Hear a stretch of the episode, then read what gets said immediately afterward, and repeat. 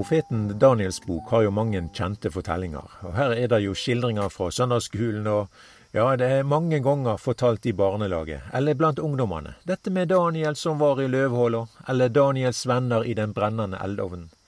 Og vi legger merke til at når vi leser om disse, så er det da at ingen kunne røre dem. Det var ingen statsmakt i Babel eller mobben som hadde sterke ønsker om å kvitte seg med både Daniel og vennene hans. Døden kunne heller ikke ta dem. Løvene kunne ikke røre Daniel, elden kunne ikke gjøre noe skade på Daniels venner. Og kanskje det ble sendt inn flere løver når Daniel kom. I alle fall ble den brennende eldovnen varma opp sju ganger mer enn hva den var til vanlig. Men det hadde ingen innvirkning på verken Henania, Mishael eller Asarja. Dette er jo de jødiske navn på Daniels venner, og navnet har en betydning. Hananya, det betyr Herren er nådig. Mishael, det betyr Kven er som Gud. Asarja, det betyr Den Herren hjelper. Og disse tre karene ber navnet sitt med rette. Vi kan òg ta med navnet Daniel, det betyr Gud er min dommer. Så vi ser da at disse fire karene her, de bærer med seg en bibelsk sanning. Og det er òg uttrykk for deres tilhørighet til Israels Gud. Dette var ikke noe populært, at jødene hadde disse tydelige signalene der i Babel. Det var nok åpent for at Israels gud kunne være en gud blant mange guder, men ikke dette at han var den eneste. Nebukaneser han sa det jo på denne måten til Daniel, og vi har jo sitat herifra kapittel 2 av vers 47. Dykkers Gud er guders Gud og kongers herre. Og hvis vi da tar fram disse fire navnene til sammen, så har vi da denne betydningen. Israels Gud er verdens eneste frelser. Dette var viktig på Daniels tid, og det er like viktig å ta det fram i dag. Fortellinga om Daniel og vennene hans står her som et forbilde på alt Guds folk. Det gjelder Israels folke, og det gjelder Guds menighet. Jeg vil nevne dette bibelordet her ifra Jesajas boke kapittel 41 av vers 10. Vær ikke redd, for eg er med deg. Sjå deg ikkje åttefull ikring, for eg er din Gud. Eg styrkjer deg og hjelper deg og held deg oppe med mi rettferds høgre hand. Og dette bibelordet, det er sagt til Israel. Og Israel er Guds folk etter kjøtet. Og det betyr at Gud har et folk på jorda, blant mennesker, som er Guds verktøy for å fremme Guds frelsesplan og kongeplaner. Israel og Jødene er Guds verktøy. Og av alle folk og etniske grupper så er det et folk på jorda som Gud omtaler som sitt folk. Dette folket har mange ganger vært blant løvene og i den brennende eldovnen. Mobbene har vært mange. Løgnene og de falske beskyldningene har haglet over dette folket. Det har vært gjenstand for hat og vondskap. Men de er kommet ut ifra løvene. De er kommet ut ifra den brennende eldovnen. Det jødiske folket lever. Fienden sjølv overlevde ikke løvene, eller de som sendte det inn i den brennende eldovnen, er ikke mer. Men Israel lever. Samtidig så kan vi si at Gud har òg et himmelsk folk, og det er Guds menighet. Vi kan nevne dette her, og dette her er jo Bibelens omtale. Kan ta med herifra første Korinterbrev, kapittel 10 vers 32. Vær ingen støytestein korkje for jøder eller greker, eller for Guds kyrkjelyd. Så her har du da dette her med Guds menighet, og da er av en usynlig karakter. Guds menighet har òg et land, men vi finner jo ikke landet på noe globus eller verdenskart. Vi har heimlandet vårt i himmelen. Og på Guds kalender er det ei tid som heter Guds menighet. Og det står omtalt her i apostelgjerningene 15, og vi kan ta det med her ifra vers 14, kan vi lese. Simon har fortalt hvordan Gud fra først av sørgde for å ta seg ut et folk, for navnet sitt, mellom hedningene. Og med dette samsvarer ordjord profetene der det står skrevet. Deretter vil jeg vende attende og bygge opp att Davids falne hytte. Det av henne som er bråte ned, vil jeg bygge opp att på nytt, og jeg vil atterreise henne, så resten av mennesket skal søke Herren, ja, alle hedningfolka som navnet mitt har vært nevnt over. Så sier Herren, Han som gjør dette, Han som for eva har visst om. Så her leser vi at Gud han tar seg ut et folk av hedningene. Og dette er noe som han gjør helt fram til da at han tar opp att dette her som har med Davids falne hytte. Og Davids falne hytte, det er Israel. Og i dag så er jo Israel altså Vi ser jo det som en nasjon, og jødene vender tilbake til fedrene sitt land, og de bygger og de bosetter seg i landet. Jerusalem er landets hovedstad. Og alt dette her det har med byggematerialene for Davids falne hytte. Og dette folket her, som er tatt ut av hedningene, er Guds menighet.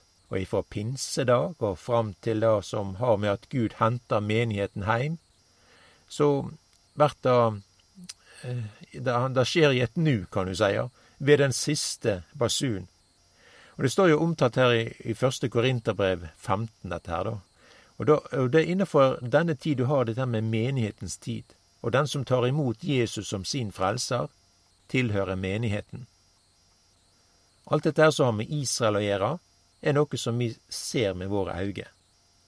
Men vi ser det ikke på samme måte som det som har med is eller menigheten å gjøre. da. Altså, Israel er jo et land. Jøden har et land og, som er gjeve det jødiske folket. da, Og i Bibelen da kan du lese om landet og om landegrensene.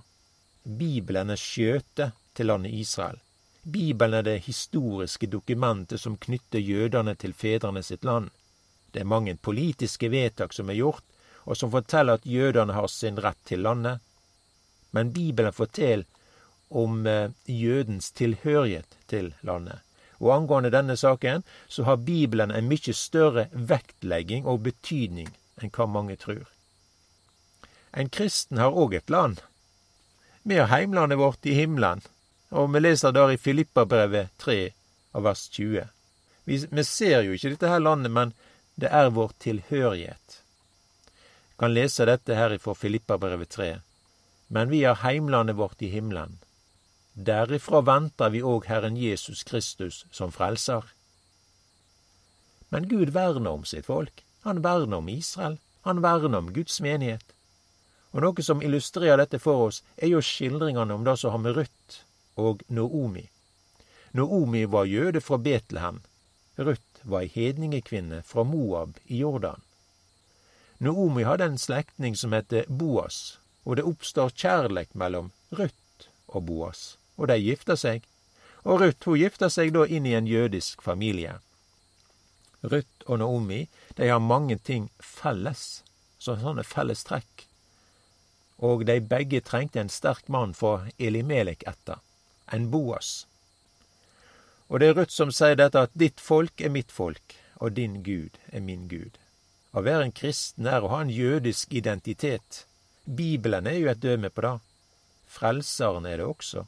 Jesus sa, frelser kjem fra jødene.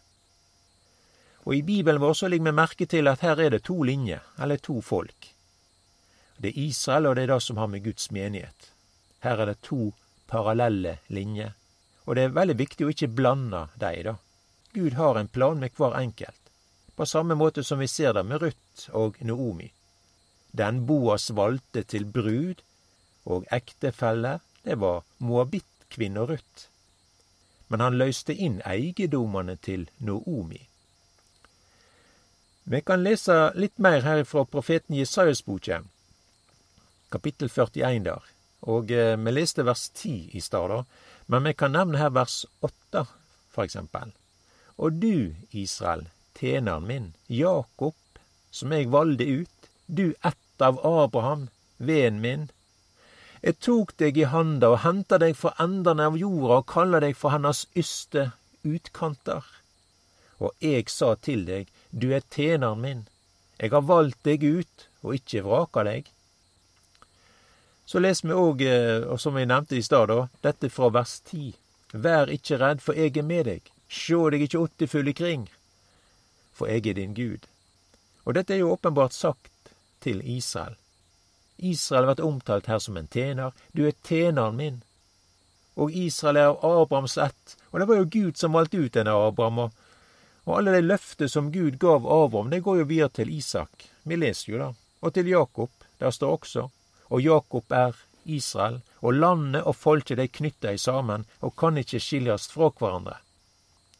Og dette er jo bakgrunnen for det som har med Jesajas boka her. Og selv om dette er sagt til Israel, så kan vi nevne dette, og jeg kan lese det òg til Guds menighet. Det, det er parallelle sann, sanninger, da. Og, det, og vi finner jo att òg i Det nye testamentet. Det står jo i Hebreabrevet 13 vers 5 La dykkar fær vera uten pengehug, så de er nøgde med det de har, for han har sagt, Eg skal ikkje sleppa deg og ikkje forlate deg. Det same les vi òg ifra 5. Mosebok 31 vers 6.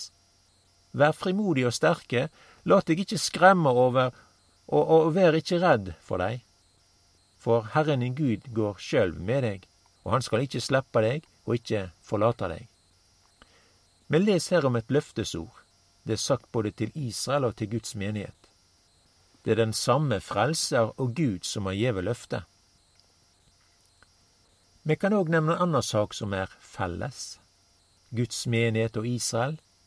Og det er dette at fienden kan ikke røre oss. Vi leste at djevelen går rundt som ei brølende løve, men han kan ikke gjøre noe mer enn det.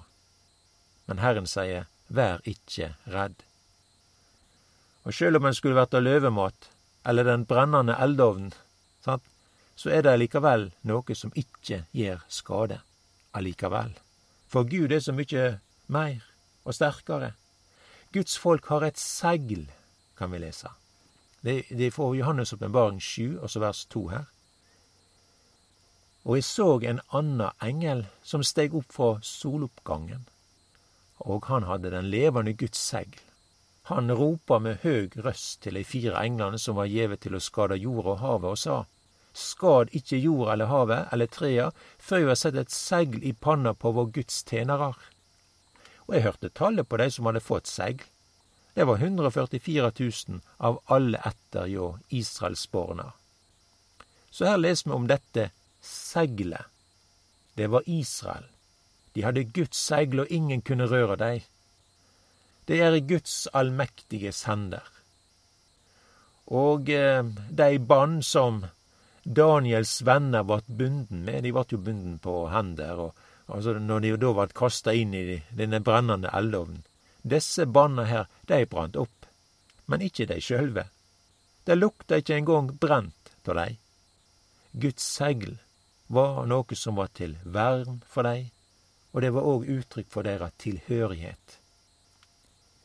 Vi kan lese det samme om det som har med Guds menighet å gjøre.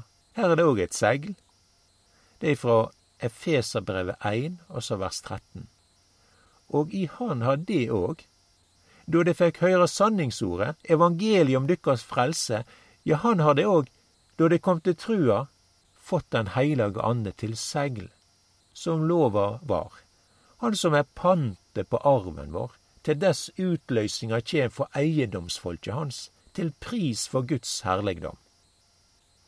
Så her leser vi om at Israel har et segl, og at Guds menighet har òg et segl.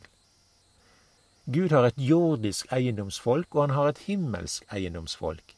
Når Abraham skulle telje etter seg, så var det å telje sanden ved havet, eller stjerner på himmelen. Og det forteller noe om det jordiske og det himmelske.